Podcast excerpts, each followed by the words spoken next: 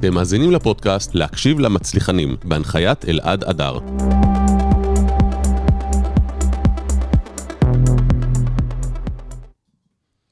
טוב, צהריים טובים, מה שלומך? מצוין, מה איזה שלומך, כיף, דליה אלעד? מנטבר, מה שלומך? מעולה. טוב, אנחנו מכירים כבר הרבה שנים. הרבה שנים. כמה- היית לצידי כמה את הרבה שנים. מעריכה? כמה שנים סך הכל? לפי דעתי היינו יחד אה, שש שנים. נכון. אבל אבל הכרנו עוד לפני. הרבה לפני, נכון. כן. אז רגע, יש פה איזה אורח שרוצה להצטרף, שנייה. וואו. שקל מאוד אוהב אה, פודקאסטים, כל פעם שהוא רואה שאנחנו עושים פודקאסט, אז הוא אה, דואג להצטרף אלינו לשידור. אני וכמ- רוצה לספר משהו. מה? כי בעצם אמנם שש שנים עבדנו יחד, אבל כשאני התרסקתי, ב-2008 אולי, 2009, משהו כזה, מי שהציל אותי היית אתה. איזה כיף לשמוע. פשוט מאיזה משהו קטן שראיתי באינטרנט, וכל כך שכנע אותי, וכל כך עשה לי את זה, שבאתי אליך, ובאת כל יום שישי לתת לי שעתיים מזמנך חינם. איזה חמודה שאת משך זוכרת את כמה זה. חודשים, מה זה? אני לא אשכח את זה בחיים. ובעצם הקפצת אותי לאט-לאט למעלה. אז אני, זה האמת, דבר מדהים. ריגשת אותי, כי אני בכלל התכוונתי ל- לראיין אותך, ועכשיו הפתעת אותי לגמרי. ראית?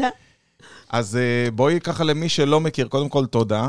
ולמי שלא מכיר, דליה מנטבר, אני, האם זה יהיה נכון לקרוא לך כהנת הפילאטיס? מי נכון, שהביאה את נראה לי, הפילאטיס כן. לישראל, נכון? נכון מאוד. אז לפני כמה שנים זה היה? 45 שנה בדיוק, זה היה לפני חודש. וואו. כן, וואו. הייתי בת uh, כמעט 25, בת 24 וקצת, ואת יודעת, כהנת הפילאטיס זה תואר שצריך לשמור עליו. שצריך כל הזמן לעבוד בשבילו מאוד קשה. את עד היום, רק שידעו, את אומרת כן. לי, אלעד, יש לנו זמנים, אני חייבת לסיים, כי אני מעבירה אימון. אני ברור. חייבת ל... עד היום מאמנת. לא עד היום, לכל אורך החיים, לא הפסקתי דקה, אני גם לא אפסיק. כאילו, את יודעת שאבי, שיהיה המהות. בריא, כן. גיל 79 עדיין מאמן ג'ודו. איזה ו- מדליק זה. כן, והוא מאמן והוא אוהב את זה, ואני חושב שזה מה ששומר אותנו בחיים, שיש לנו תועלת, לחלוטין, וסיבה, לחלוטין. ואנרגיה. ואני רוצה לחזור איתך קצת להתחלה. מי בבקשה. הייתה דליה מנטבר לפני שהיא התחילה עם אה, עם פילאטיס? הפילאטיס? תראי, אני בסוף, התוכנית הזאת זה ללמוד ממצליחנים, ובשבילי כן. את מצליחנית. ודווקא הגדולה שלך. זה שהתחלת מהכישלון את הרעיון, לא, לא רציתי בכלל להיכנס לזה, כי זה בחירה של בן אדם, מה הוא מספר ומה אם לא. ואני חושב שאין, את יודעת, דונלד טראמפ פשט רגל שבע פעמים. נכון, אני הגדולה של אנשים זה לדעת ליפול ולקום. לגמרי. היום הייתה לי שיחה עם אה, אה, אשת עסקים. אחד הדברים שככה דיברתי איתה, אמרתי לה שאחד הדברים שאני מאוד מאוד מעריך בתינוקות או בילדים קטנים, זה שהם קמים ונופלים, קמים ונופלים, גם אם קיבלו מכה וגם אם הם בוכים, ויש להם עוצמה אדירה, להבדיל ממבוגרים שלפעמים פעם אחת ומפסיקים.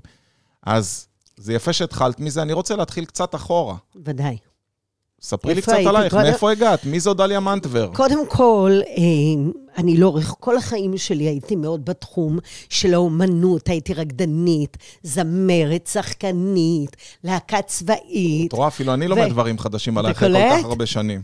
ולמדתי מתמטיקה וסטטיסטיקה וראיית חשבון, ולאורך כל השנים, כל הזמן למדתי, תמיד לצד העשייה שלי, ההופעות שלי, הופעתי בתזמורת חתונות. די. מהממת שקראו לה צעירים. בתור זמרת או רקדנית? זמרת ורקדנית. אני גם וואו. עשיתי את הכוריאוגרפיה, היינו שלוש זמרות, עשיתי גם את הכוריאוגרפיה לה. להופעות האלה, ובמחזות זמר הופעתי. ואחרי שסיימתי אוניברסיטה בעצם, הלכתי לווינגייט. זה משאת נפשי, זה היה ממש. ונרשמתי לווינגייט, סיימתי ווינגייט במגמה למחול, ופנו אליי מבדור, שאני אבוא ללמד שם. והמדהים היה שהם לא ידעו אז שמאותו רגע פשוט החיים שלי משתנים. כי כשאני באתי ללמד שם, הגיע לשם אנגלי שקוראים לו אלן הרדמן. אלן הרדמן הזה, שהוא היה תלמיד של פילאטיס, הוא בנה בעצם סטודיו לפילאטיס בוודור, לרקדנים. הוא עשה מין... פילאטיס מכשירים או פילאטיס מכשירים, מזרון? מכשירים. מכשירים זה הפילאטיס האמיתי. אוקיי. והוא עשה אודישן למורים ובחר בי ללמוד את השיטה. מדהים. למדתי את השיטה, נסעתי איתו ללונדון, עשיתי שם סטאז'. פשוט זה היה מדהים, וזהו, והתחלתי. איך דווקא את נבחרת מבין כולם? לפי דעתי, בגלל שכל כך הרבה שנים על הבמה, אז כשמראיינים אותך ובוחנים אותך, אז זה קל לך נורא. יש אנשים נורא מוכשרים שפשוט, הם לא, הם לא יודעים מה לדבר. נחבאים אל הכלים? לגמרי. ביישנים? ביישנים, או לא יודעים אז פשוט. קודם כל, השיעור הראשון זה מי שביישן לא מרוויח כלום. ברור שלא. זה לא ול- מי שהכי כישרוני, זה מי שפחות ביישן. לחלוטין. גם אני חושבת, זה בגלל שהייתי כל כך הרבה שנים על הבמה, לא הייתה לי שום בעיה להציג ולעשות את הדברים באמת כמו שצריך. ומהרגע שלקחתי את זה אליי, הבאתי מיד את כל אלה מהשואו ביזנס, כל אלה שהופיעו איתי במחזות זמר, בסרטים, בהצגות. הם באו, זה היה הקהל הראשוני. הם גם הכי צריכים את זה בינינו. כי הם על הבמה, הם צריכים להיראות הכי מי טוב. שלא יודע מה זה, תסבירי מה זה פילאטיס פילאטיס זה, זאת ב-60 שניות. בעצם אה, טכניקה של ספורט שנועדה לאזן את הגוף מתוך עבודה אקטיבית ולא פסיבית.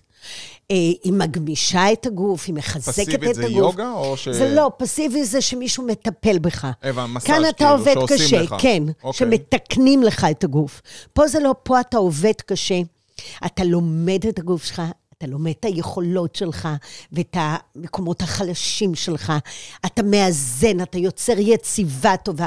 ובכלל, כל עקרונות הפילאטיס מדברים לחלוטין עם החיים שלו, שלנו. כמו control, שזאת שם השיטה, Contrology, שליטה במה שאתה עושה, דיוק, זרימה, center, כל מיני... breathing, כל העקרונות של הפילאטיס הם בדיוק חלק מהחיים שלנו. מדהים. ואם אתה חי פילאטיס, אני אומרת לך, אתה נראה ככה. אתה נראה, תראה שאני יושבת עכשיו, אני זקופה, זקופה חבל לגמרי. על הזמן. אני לא נשענת בכלל על כיסא. וואו. וזאת תודעה. זה משהו שצריך ללמוד אותו, כמו כל דבר. מהרגע שהתחלתי את זה, המטרה שלי הייתה למתג דליה מנטבר, פילאטיס, שנת 76. הרבה לפני נולדתי. שנולדת. נולדתי ב-76. נולדת כבר, אני לא מאמינה. אני כבר 44. אז להשקיע בך. מדהים. חצייר, כן. אז כבר מאז התחלתי לעשות את זה, וללכת לכל מיני מקומות, ולעשות שיעורים, וככה פיתחתי את זה.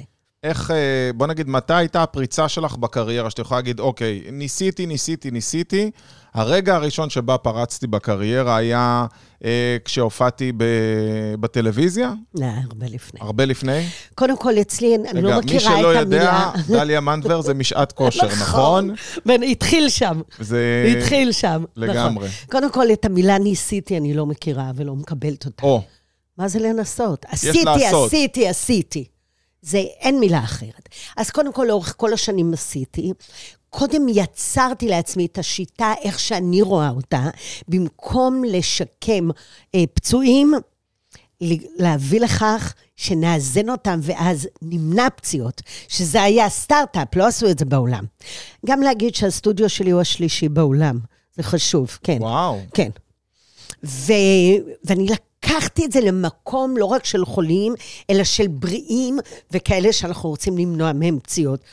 כי פציעה זה שינוי מהותי של איכות החיים שלנו. זאת אומרת, את, כל המהות שלך הייתה שאת באה ואת אומרת, אני באה לעשות שינוי אצל אנשים באורח החיים, לחלוטין. ולא לשקם פצועים. בדיוק, גם וגם. לשקם פצועים, אני יכולה למדתי. גם. כן, אני יודעת מצוין את זה.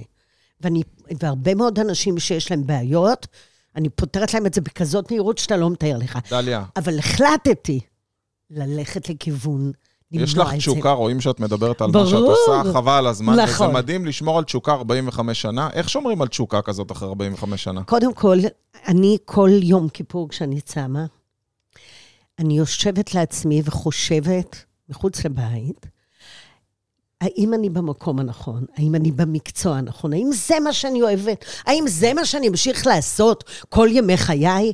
ובכל שנה מחדש אני בוחרת מחדש את מה שאני עושה. קודם כל, הדבר, ואתה צריך להבין את זה, כל פעם פוגשים אנשים אחרים עם צרכים שונים, שמתפתחים איתך וגדלים איתך, והצרכים שלהם משתנים. אז גם אין לי איזה קיטבק עם מיליון תרגילים, אני כל היום ממציאה. כל היום ממציאה, הפחד שלי שיום אחד המעיין הזה. ייעלם, אבל אני לא חושבת שזה יקרה, כי בגלל שיש לי כזאת תשוקה לעבוד עם אנשים... אגב, הפידבק הוא במיידי. במיידי. אנשים מוחאים לך כפיים בסוף השיעור. איזה מרגש הגוף זה. שלהם משתוקק, אתה רואה את זה. אתה ממש רואה את זה. אז זה כמו מחיאות כפיים שהייתי על הבמה, שזה עושה נחת רוח. מדהים. יש לי שאלה אלייך. כן, התחלת בשנת 76, אז אם אני לא טועה לא היה פייסבוק, אם אני לא לא טועה. היה כלום.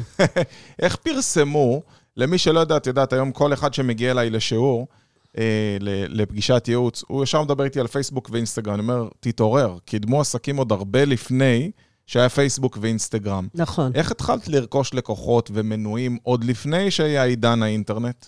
אוקיי, אני התחלתי מפרוספקטים, מכתבות בעיתונים בלי סוף. עשיתי כתבות, לא פרסום, אלא כתבות. יחסי ציבור. שכתבו לא היה לי? יחסי ציבור בחיים. עד שיעור הפילאטיס הגדול בעולם שעשיתי, לא היה לי יחסי ציבור. שזה מה שאנחנו עשינו ביחד, נכון, מה שעשינו ביחד. גדול. הי- היום שאני נותנת לאלפים גם בזום, נראה לי שזה שיגי נס. מושלם. מדהים. אז בעצם גם הלכתי לכל מיני מקומות, לבתי ספר, למועדונים, למתנסים, ולימדתי שם. בלי מכשירים, לימדתי רצפה. ודיברתי על הפילאטיס, ונתתי הרצאות. ואז יצא עיתון שקוראים לו העיר של תל אביב, ושמתי שם מודעה ענקית תמורת כתבה. וואו. הביא הרבה עבודה. מאותו רגע זה הביא המון עבודה. ו... אבל בעצם, העשייה שלך, ומפה לאוזן, זה הדבר שהכי מוכר. עבודה טובה מביאה עבודה. אין לגמרי. מה לעשות. לגמרי, כי גם כשאני כל כך מפורסמת עכשיו, אם אני לא אהיה מצוינת, לא יבואו אליי. אני כתבתי ממש לפני שעה בפייסבוק, כתבתי שככל שתיתן יותר ערך, הערך שלך יותר גבוה. זה נכון. וכשאת נותנת ערך ועוזרת לאנשים להג, להגדיל את התנועה שלהם ולשחרר את הגב שלהם ולייצר להם יציבה יותר נכונה, הם מרגישים יותר טוב, הם שמחים להמליץ לאחרים. לחלוטין. אני רואה לאט לאט יותר ויותר ממקום בגרותי, שדווקא ככל שאנשים מפרסמים יותר, זה אומר שהמוצר, פחות אני בוטח בו. זאת אומרת, קוקה קולה צריכים לפרסם כל הזמן. רציתי להגיד לך את זה. כי זה מוצר לא בריא, הדוגמה, והם כן. צריכים כל הזמן להסביר, כן. תצרוך אותי, כי כן. בוא, זה רעל, כאילו, נכון. בוא, בוא נגיד את האמת, זה מוצר לא בריא, אף אחד לא, לא יכול לחלוק על זה. אותו דבר מקדונלדס, זה לא בדיוק הארוחה הכי בריאה בעולם, יש מה לתת לילדים יותר, ולכן הם צריכים כל הזמן לפרסם. נכון. וכשאני מסתכל על, אה, על אנשים בתחום, אז אני אומר, אוקיי, מי שיש לו ממש עבודה טובה, זה מצחיק, פנה אליי מישהו מתחום הכושר אה, בשבת, והתכתב איתי, והוא אומר לי, תשמע, אתה, הוא אומר לי, תספר לי קצת עליכם, אני מספר לו, אומר, מה, אם אתה כזה גדול, איך זה שאף פעם לא ראיתי פרסום שלך? אמרתי לו, בגלל שאני כזה. גדול, אני לא צריך לפרסם. בדיוק. אני, אני לא בבעיה של לקוחות, תודה לאל, אני בבעיה, בעיות אחרות של צמיחה. גייסתי רק החודש תשעה עובדים חדשים. וואו. כן. אז אה, וואו. זה התמודדויות אחרות לחלוטין, ואמרתי לו, אני לא צריך, ואז הוא אומר לי, טוב, אז תקבע לי פגישה. אז אנחנו מדהים. נפגשים מחר, אני מקווה מדהים, שנצליח שיהיה לעזור לו. בהצלחה, ברור. תודה. אם אתה ו- צריך המלצות, אז תפנה אליי. באהבה. לגמרי. אה, אני רוצה לשאול אותך, מה מבחינתך היה... אה, שאלת עצה- אותי מתי הייתה הפריצה רגע? נכון, מתי הייתה הפריצה? הפריצה הייתה ב... על... באלף... לא להאמין. ב-1990 היה לי זכיין ראשון בפתח תקווה. ידעו אז מה זה זכיינויות? את מדברת לא, אני, זכיין. אני המצאתי מודל. אני אומר לך שזה באמת, אני חושב שזה אחד הזיכיונות הראשונים שאני שומע. נכון, לא היו זכיין, זה- זכיינויות עוד. אבל לפני זה אני התחלתי את שעת כושר בשנת 86. זה בטוח עשה לך פריצה אדירה. זה ברור שזה עשה, זה מה, היה היית מטורף. סלב? כאילו, מה היה לראות לא, כבר כאילו, בארץ? נכון, לא היה כלום. באתי, נבחנתי, התקבלתי, ועשיתי, אני יודעת, אלף תוכניות. מטורף. אז כבר הכירו אותי. בסדר? כמה תוכניות כבר היו בארץ? אלף תוכניות. זה, אני חושב שזו אחת התוכניות שהתמידה הכי הרבה. עשר שנים. וואו. עשר שנים לא וואו. הורידו את זה ולא שינו את השעות. כי אם היו מנסים לשנות את השעות, הקהל היה צועק. אוי ואבוי המכתבים והטלפונים. היית מזה, היו מזהים אותך ברחוב? כן, והיו מבקשים ממני חתימות. גדול. כן, הייתי נותנת על במות, אה, שיעורי פילאטיס, ככה קטנים של חצי שעה, והיו מחכים לי שאני אחתום. עכשיו, אתה יודע, יש הרבה כאלה שמחזיקים מאוד מעצמם, ומאוד קשה לגשת אליהם. אליי ידעו שאפשר לגשת. אני כולי פתוחה לגמרי. בקיצור, עשיתי את הזכיינות הראשונה אצל מורה למחול, שהתעמלה אצלי, והיא ובעלה פתחו בפתח תקווה. עכשיו, המצאתי לי מודל, המצאתי. אה, ישבתי ורשמתי מה הייתי רוצה שיקרה, ושמתי תג מחיר, 25 אלף דולר. אבל לא הייתי מספיק חכמה, כמו שהייתי עשר שנים אחרי, לעשות ריטיינר חודשי. Mm. אז קיבלתי 25 אלף דולר. פעם אחת. פעם אחת. מה זה שמחתי? מרגישים... כי אז מ- חשבתי, מה יעשה אותי שמחה, וזה שימח אותי. אבל אני באותה תקופה פתחתי שש זיכיון, שישה זכיינויות, שש זכיינויות. שש זכיינויות. וב-2002 היו לי כבר 13 סניפים. וואו. כן, חלק שלי וחלק בזיכיונות. ופתאום זה התחיל לעבוד, אז נאלצתי אה, לבנות מצבת כוח אדם של מנכ"ל, מנהל שיווק, מנהל מקצועי. מנהל... ואני זוכרת את האירוע הזה שעשיתי אצל אחת המזכירות שלי, שהעברתי את הכובעים שלי, את הכובע המקצועי, ניהול mm-hmm. מקצועי, העברתי למישהו. את כובע המנכ"ל, העברתי למישהו. את... אני עשיתי את הכל לבד, לבד. ופתאום יצרתי איזה מין צוות בומבסטי, וככה הרצתי את ההשגחה. מה היית עושה שונה בדיעבד? מה הייתי עושה שונה? כן, כי כן דיברת על זה של... עשיתי, וכאילו היה שם איזה משהו שאת במחשבה הרגשתי שאולי היית עושה משהו שונה. קודם אז כל, אחד זה- מהם זה ה retainer, של. לקחת retainer חודשי. ש... שבעצם אה, יצא מתוך ההכנסות, אחוז מההכנסות. יש אינטרס גדול בשביל- מאוד. כי המשכת לתת שירות. טובים. נכון. ואז החזקת מטה אפילו יותר גדול בשביל לתת להם שירות. מאוד, וגם פתחתי בית ספר להכשרת מורים. ובשביל עמלה חד פעמית זה לא כזה כלכלי. לגמרי, לגמרי. אז הייתי די מתוסכלת מזה, כי זה היה לשלוש שנים. אחר כך, כאילו, כדי לחדש, אף אחד בעצם לא רצה, כי הם המשיכו לעבוד עם השיטה שלי, בלי השם שלי. אז זה דבר אחד שממש כעסתי על עצמי. הדבר השני, עם כל הידע שלי ב... בסטטיסטיקות וראיית חשבון וכל זה, איך יכול להיות שבניתי עסק גדול בלי לחשוב טוב, שרק בא, פחות בא ממקום שכלי, יותר מתוך צורך, ואיזה סוג של גדילה אגואיסטית. זה, זה סוג של לפתח אגו.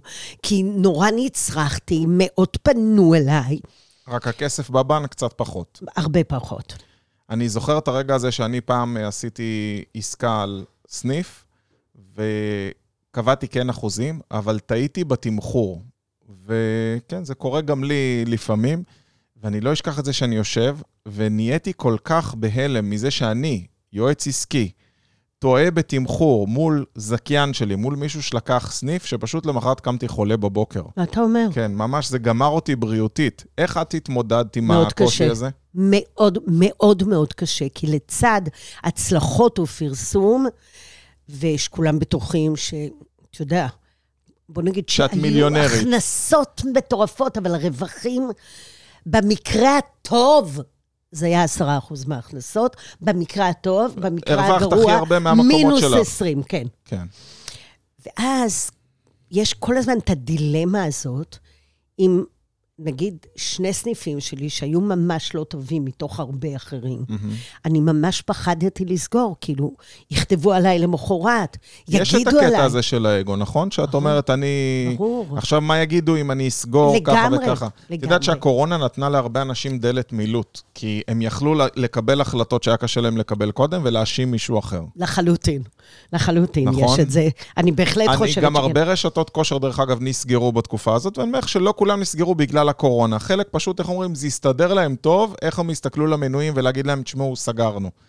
נכון, אבל אני יכולה להגיד לך שלי בזמן הקורונה, אה, אה, לפני זה אני רק רוצה להגיד שפשוט החלטתי יום אחד להתחיל לנפות את כל הסניפים.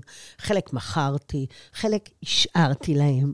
וכך לאט, לאט, לאט, לאט, החלטתי שאני מתמקדת בארבעה סניפים. ארבעה סניפים שהלכו מצוין, אבל עדיין אני לא יודעת לפטר. אז לא פיטרתי עובדים. וואו. ונשארתי עם מסה הרבה יותר ממה שצריך היה. אבל בסוף סוף טוב, הכל טוב. אמ, היום יש לי זכיינית אחת, ויש לי את הסטודיו שלי, אבל אני בזמן הקורונה, לפני הקורונה, חודש לפני הקורונה, שיפצתי את הסטודיו הענק המדהים, סוחט הכספים שהיה לי, שלא הרווחתי בו אף פעם, אף פעם, עשר שנים, לא הרווחתי בו שקל. אבל התגלגלתי, אתה יודע, התגלגלתי. זה כמו איזה רכב שאתה אוהב מאוד, אתה לא רוצה למכור, אבל הוא כל הזמן בדיוק מתקלקל. ככה. לא, זה פשוט, גם אתה לא רוצה להאמין בזה. אתה אומר, זה, עוב- כאילו, זה עובד, יש הרבה אנשים נהנים, ואני לא, ו- ואני אוכל להוציא לי משכורת קטנה, אני אמשיך. כש... ועשיתי שיפוץ ופרקט וזה וזה וזה, שבועיים אחרי, פרצה הקורונה. יואו. עכשיו תשמע, משהו הזוי. אני בן אדם מאוד רגשי, ובהחלטות הסופיות שלי לפעמים הרגש מחליט, אבל גם השכל. הפעם פשוט החלטתי להתנתק מהגוף ומהנשמה שלי, וישבתי ובדקתי על טבלאות אקסל. אקסל, לראות מה קורה איתי, והבנתי שאין לי תזרים קדימה. אין לי, אין לי. והכסף שכבר בא, נאכל. בשוטף הוא? נאכל. עכשיו, הרבה אנשים שילמו קדימה, אז אני חייבת להם מלא כסף. חוב בבנק, כאילו... שוב, זה מדהים. אם לא הייתה הקורונה, הייתי ממשיכה את זה, אני לא הייתי מתמוטטת. הייתי ממשיכה את זה כמו שאני יודעת להמשיך. אבל החלטתי, ישבתי עם אחי, ודיברנו על זה, ועם הרבה בכי, והחלטה רציונלית חדה. החלטתי שאני סוגרת. אגב, זה, הדבר הכי מדהים היה, שזה בדיוק היה סוף החוזה, מה שלא, בכלל לא שמתי לב, כי זה מתחדש כל הזמן. אמרתי, אני לא רואה את התזרים מזומנים שהיא לא רואה, אף אחד לא יודע מה הולך להיות בכלל. קודם כל אני אסגור, נראה אחר כך. דליה, מתי השלב הזה, אני מכיר אותך הרבה שנים, ואת מדברת בפתיחות הכי גדולה שראיתי על הכישלונות שלך, על הקשיים שלך, על הפחדים שלך, על הבכי שלך. זה משהו שהוא אה, עניין של גיל, עניין של לא. ניסיון, זה עניין של לא. תהליכים שעברת בחיים. כי הזכרת קודם, שלהרבה אנשים, וזה בסדר, מה שעושה לנו טוב, זה עושה לנו טוב לאגו, המחיאות כפיים, הבמה, הסניפים, זה שכולם אומרים, תשמע, איך אתה מצליח, ו... ואיך אומרים, רק אנחנו יודעים בסוף מה אנחנו מרגישים. והיה שלב שהוא בחיים שלך, שברור לי שעברת איזשהו תהליך, כי היום אין לך שום בעיה לדבר על הקשיים, ורוב האנשים מחביאים את הקשיים שלהם. מה היה השלב שגרם לך לעשות את השינוי הזה? קודם כל, אני רוצה להגיד למה אני מדברת על הקשיים. כי אני רוצה שמי ששומע אותי יבין שכל מה שנראה כל כך יפה וצבעוני, הוא לא ככה. אתה צריך לעבוד מאוד קשה. לא הכל זה אתה- תמונות באינסטגרם. ממש לא. אתה צריך לעבוד מאוד מאוד קשה כדי להצליח. הנפילות, כאשר אני נופלת, אני לא מנסה לחשוב, מה עשיתי? למה נפלתי? ואני אסיק מזה מסקנות, אני הפוך עושה. איך הצלחתי? מה הייתה הנוסחה שלי להצלחה? ואני משחזרת אותה. אתה יודע כמה דברים שלימדת אותי מזמן, אני כל הזמן משחזרת אותם עוד פעם ועוד פעם, כי אלה הדברים שגורמים להצלחה. אני חושבת שהתהליך שאני עברתי עם עצמי, בתוך עצמי, כי עובדה היא, ותכף אני אגיד, זה שאנשים לא אוהבים אנשים שנכשלים. Mm, אנשים בעיקרון רוצים להיות לידך כשאתה נוצץ. אז זה נכון שאני כל הזמן בטלוויזיה, ב, ב, בתקופה של הקורונה, שמונה פעמים ביום הייתי בטלוויזיה בכמה ערוצים. וואו. כן, וצילמתי מהבית, ובלי הפסקה, ולעודד אנשים, זה היה בשביל זה. לא עשיתי שום דבר בשביל כסף. אני הייתי בעצמי בדיכאון, בקושי יצא לי קול, ראיינו אותי לכל המקומות, ואני אמרתי, כן, אי אפשר, אני לא יודעת מה הולך להיות. ובשנייה שאתה לא רואה את, ה, את הקדימה שלך, את העתיד שלך, מה אתה יכול לעשות עם זה? אני חושבת שאת העבודה העצמית שלי עשיתי לא מתוך הכישלונות, אלא מתוך ההצלחות. מאיפה את שואבת את הכוח שלך? כשקשה לך. כשקשה לי... כשיש לך יום רע, שהבנק מתקשר ואומר, סגרנו את המסגרת, או אני לא יודע מה, שיש לך יום רע, יש ימים כאלה לכל איש עסקים. את הולכת לים, את הולכת ל... אנחנו נפגשנו זאת בים. הזולה שלי. זאת הזולה שלי, ללכת לים. כן? אני הולכת לים, ושם אני יושבת. ושם אני מדברת לעצמי. ושם אני מחטטת במים ככה, כשקר אני קופאת. לבד או עם מישהו? לבד, לבד. לבד? לבד. אני צריכה את זה, אני יכולה לפעמים, תראה, אני מספרת לבן הזוג שלי, אני מספרת לנועה שעברה איתי את כל התהליך, נועה זה הבת שלי, היא עברה איתי את כל התהליך של הקורונה, תאמין לי, עברתי דברים מאוד מאוד קשים, אבל הכוח שלי בא מתוך עצמי. שם את מנקת הראש? כן. עכשיו, למה זה בא מתוך עצמי? תמיד אני אומרת, אני יכולה לסגור הכל, ואני הפילאטיס. אני נכון. יודעת לעבוד, אני לא, אתה מבין? אני לא בן אדם שמנהל סטודיואים. אני הפילאטיס. מה מה מפחיד אותך? הבעיה? מה מפחיד אותי? אמ, וואו, אמ, זו שאלה שגם אני תמיד מתקשה לענות עליה. תשמע, מה שמקים אותי כל בוקר, זה, זה הכוח הזה, הוא זה שאני יודעת שמצפים לי, שמחכים לי. כשאני איבדתי את הכל ואני בסטרס, אני מאבדת את הכל, זה הדבר הכי נורא שיש. אבל אני אתן לך טיפ, כי אם לך יקרה כזה דבר, וכשהייתי אצל איילה חסון, התראיינתי לחדשות, היא אומרת לי, אבל אין לך קול, איך תדברי? אמרתי, אל תדאגי, ברגע האמת יצא לי קול. ואני נעמדתי ודיברתי עם כל הגוף, ויצא לי קול. זאת אומרת, אה, הפחד הוא שאני יכולה. הפחד היחידי שלי, להיות חולה. כן. אבל אני, אבל אני את חולה מאמינה לפעמים, בבריאות או שאת שלי. משאירה... לא מרשה לעצמך? לא, בקטנטנה, בקטנטנה. שמתי לב כולם. שאנשים, את יודעת, זה גם עניין של כמה אתה מרשה לעצמך, כאילו, כן. אם אתה פשוט מחליט שאתה לא, לא, לא להפלות חס וחלילה אף אחד לרע, אבל שמתי לב שנגיד שכירים מרשים לעצמם להיות חולים יותר, כי נכון. לא יקרה כלום. נכון, לא יקרה כלום, אז אני לא אוהב, אז מבחינתם עוד יומיים חופש. נכון. אני אגיד לך יותר מזה, משהו אישי. כשאני הייתי ילד ולא הייתי רוצה ללכת לבית ספר, הייתי מייצר מחלה. זאת אומרת, הייתי אומר לאמא שלי, יש לי חום, ואמא שלי לא הייתה מוותרת לי, הייתה מודדת, והייתי מסוגל לך. לייצר חום. כן. הייתי מייצר חום, ואז מייצר, בשביל להצדיק את ההצגה, הייתי מה שנייה חולה, ואז יומיים שלושה הייתי בבית, נח לי, מבריז מהלימודים. מבין מה כן, זה? לא, אנחנו לא יכולים לעשות את זה. אין דבר כזה. כבעל עסק אתה לא עושה את זה. את יודעת שאבא שלי, הזכרתי קודם שהוא מאמן ג'ודו, אני לא אשכח את זה שהייתי אה, ילד, ראיתי אותו, בין אם לטוב או לרע, ראיתי אותו הולך גם חולה לעבודה. זאת אומרת, מבחינתו אין דבר כזה להיות חולה, מחכים ילדים, צריך להעביר אימון, כמו שאת צריכה להעביר שיעור, הוא הולך לעבודה. אז מצד אחד טוב, למדתי מזה שלא מתפנקים, אין דבר כזה. אתה, אבא שלך יכול ללכת לעבודה חולה, גם אתה תלך, גם אין לך מצב רוח. מצד שני, למדתי משהו אחר, למדתי שאני אף פעם לא רוצה שהעסק שלי יהיה תלוי רק בי, ובגלל זה נכון. בניתי עסק שהוא יהיה כזה גדול, וואו. שאני אוכל היום להיות איתך, ובלי טלפונים ובלי תשומת לב, ותודה לאל שהעסק יעבוד, וזה מה שאני מאחל לכולם.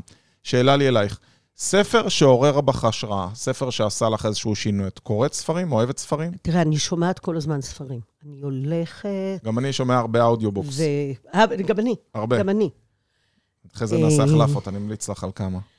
אה, באמת? אני כל הזמן, אה, אני גומר בערך ספר בעשרה ימים, וואו. כן. תשמע, אני נורא אהבתי את וורן באפט, את הספר שלו, את ההיסטוריה. שלו. הוא ענק, זה לאט לאט. ספר ענק, וואו. לאט לאט. ושל חברי הטוב, סר רונלד כהן, אה, שכתב, הוא בעצם פיתח את כל הסיפור של, ה, של הקרנות הון סיכון. אייפקס, זו הייתה החברה אוקיי. שלו, אז הוא כתב על זה. אז איך, על איך בעצם אתה מתפתח? מה ההצלחה הבאה שלך? אני, בדרך כלל, הספרות שיש לי בבית היא גם מאוד אה, רובין שרמה, טוני רובינס, שנסעתי אליו לשלוש סדנאות ענקיות, ולמדתי... אוי, את זוכרת שהיינו בכנס ביחד ברור, ביוון? ברור, של ווייז, כן. נכון? היה מדהים. היה מדהים. ואני אחרי זה, בשנים האחרונות, נסעתי לטוני רובינס, איזה לשמוע כיף, אותו, כל וזה כך מאוד, חשוב. זה מאוד את משפיע. מגדירה את עצמך כבן אדם שאוהב ללמוד כל, ופתוח? כל הזמן, אני לא מפסיקה ללמוד. אני לא מפסיקה ללמוד. וכמו שאתה אמרת, שאתה לא רוצה יותר, בנית עסק שלא תלוי בך, אני הגעתי למצב כזה בעצם בעסק שלי קודם, שיכולתי לנסוע מתי שאני רוצה, לא, לא הייתי אני חייבת זוכר, להיות שם. בטיסה האחרונה שטסתי איתי ביחד, זה היה כזה החלטה של רגע, בטח, אני. מהרגע להרגע. כן. היום זה לא בדיוק ככה, סידרתי לעצמי אחרת. סידרתי שאני עובדת פחות שעות, ויש לי יותר יום לעצמי.